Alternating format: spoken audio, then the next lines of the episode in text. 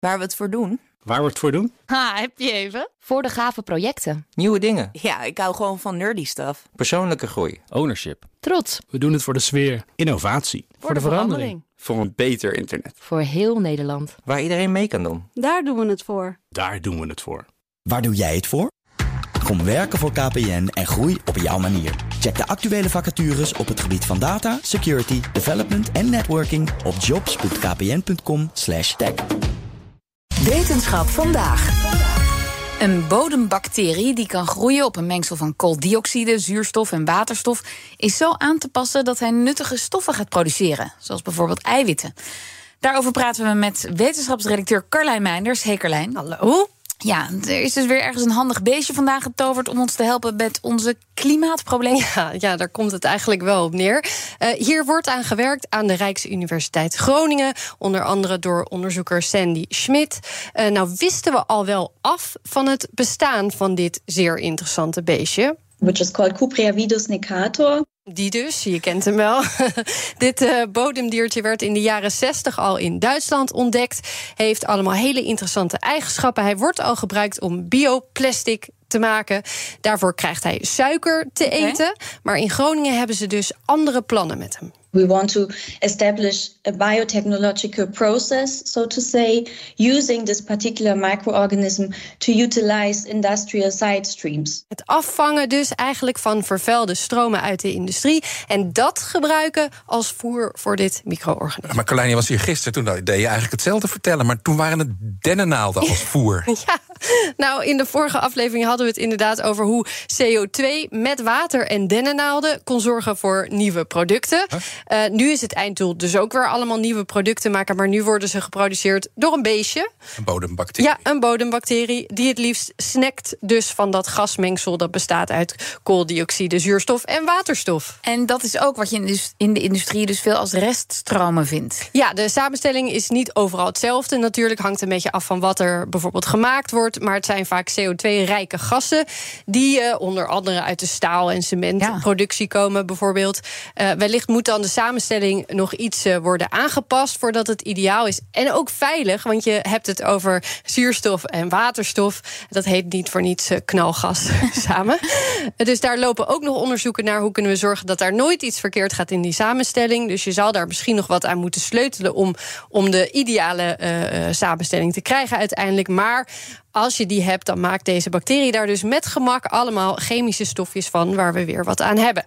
And also, it's a very robust organism, so you can use gases without a lot of purification because you can imagine when these gases come from an industry, they are not super pure. They are contaminated with many other uh, heavy metals and other contaminants, as we call it. And this microorganism is relatively robust, and you can you can just use it uh, with these uh, contaminated gases. So this is a very big advantage, also compared to other technologies that are that are currently being developed, huh? chemical processes, for instance, electrochemical processes. Kortom, het is geen kieskeurige eter, en dat is een groot voordeel ten opzichte ook van andere technieken die nu worden ontwikkeld.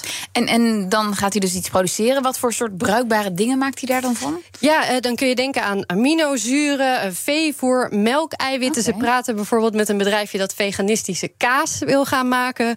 Uh, die denken hier aan, maar, maar ze denken zelfs aan complexere moleculen die als bouwstenen uiteindelijk kunnen dienen voor medicijnen, bijvoorbeeld. Dus dan kun je straks een uh, Tata-stiel kaasje bestellen. ja, precies.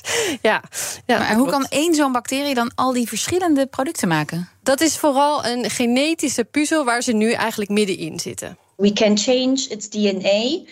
And because we can do this, it can basically make different type of products. Ja, maar zelfs al zou je ze niet genetisch aanpassen, dan doen ze het al. Dan produceren ze een soort soep die je opgedroogd dan als veevoer zou kunnen okay. gebruiken. Maar goed, daar moeten dan ook weer speciale fabrieken voor gebouwd kunnen worden. Ja, het idee is dat ze op het terrein waar die afvalstroom wordt geproduceerd, dus naast een staalfabriek bijvoorbeeld, een extra faciliteit gaan bouwen. Dus het is niet zo dat er straks een pijpleiding met knalgas en microben dwars door een woonwijk zou gaan lopen. Dat is niet het idee. Um, en uh, dat is om nog een reden wel fijn. Want de, de etende bacteriën ruiken namelijk zelf, als ze dat aan het doen zijn, ook nogal naar oude kaas. De kaas weer. Ja, ja, de kaas weer. En dat was toch elke keer, vertelden ze ook wel schrikken voor nieuwe studenten die dan instroomden in dat onderzoek. Zeker kan ik me voorstellen als je de avond daarvoor net een feestje hebt gehad. En je moet dan het lab in met deze beestjes. Maar zelfs al stond het in een woonwijk, dan zou Schmid zich nog niet al te veel zorgen maken. I think it won't be a super big problem because um, it's going to be in a closed tank, so to say, in a closed vessel. And uh, you basically pump it through lines and through tubes. So it will not be released actually. So I, I, think that's that's okay because you have a closed system in in that sense. That there might be some smell, but I, I think it won't be such a super big problem. Nee, er zijn ook woonwijken in de buurt van de rioolzuivering. Nou, ik woon daarbij in de buurt bijvoorbeeld. En als de wind net verkeerd staat, ja, dan heb je toch wel pech als je op je dakterras zit, bijvoorbeeld. Ja. Dan, dan, in dit geval zal het dan oude kaas zijn. Ja, dus ja de vraag is wat erger is.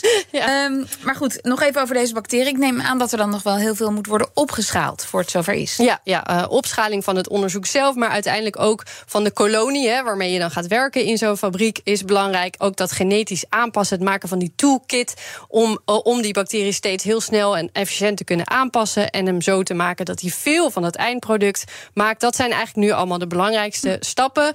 Uh, dat moet dan ook nog allemaal heel goedkoop kunnen, want als je een afvalstroom gebruikt om iets anders te maken en dat kost extra geld, dan gaat niemand je eindproduct kopen als dat te duur is. Dus ook heel belangrijk. Nou is er inmiddels een consortium, Future Carbon NL, zitten Nederlandse universiteiten in, kennisinstituten, de industrie, MKB. En die hebben met z'n allen uh, een miljoenen aanvraag liggen bij het Nationaal Groeifonds. Halen ze die binnen, dan is er straks dus behoorlijk wat geld beschikbaar voor onderzoek die, waarin wordt gekeken eigenlijk naar die manieren dus om koolstof af te vangen en dan weer te gebruiken. En dat zou ook weer een boost kunnen betekenen voor Schmidt. Dus die kijkt daar uh, met veel aandacht naar. En uh, een boost misschien voor ondernemers die uh, meeluisteren. En kaas. Van Kaasondernemers. Kaasondernemers. We hebben geen hier in de studio trouwens. Dankjewel, Carlijn Meinders.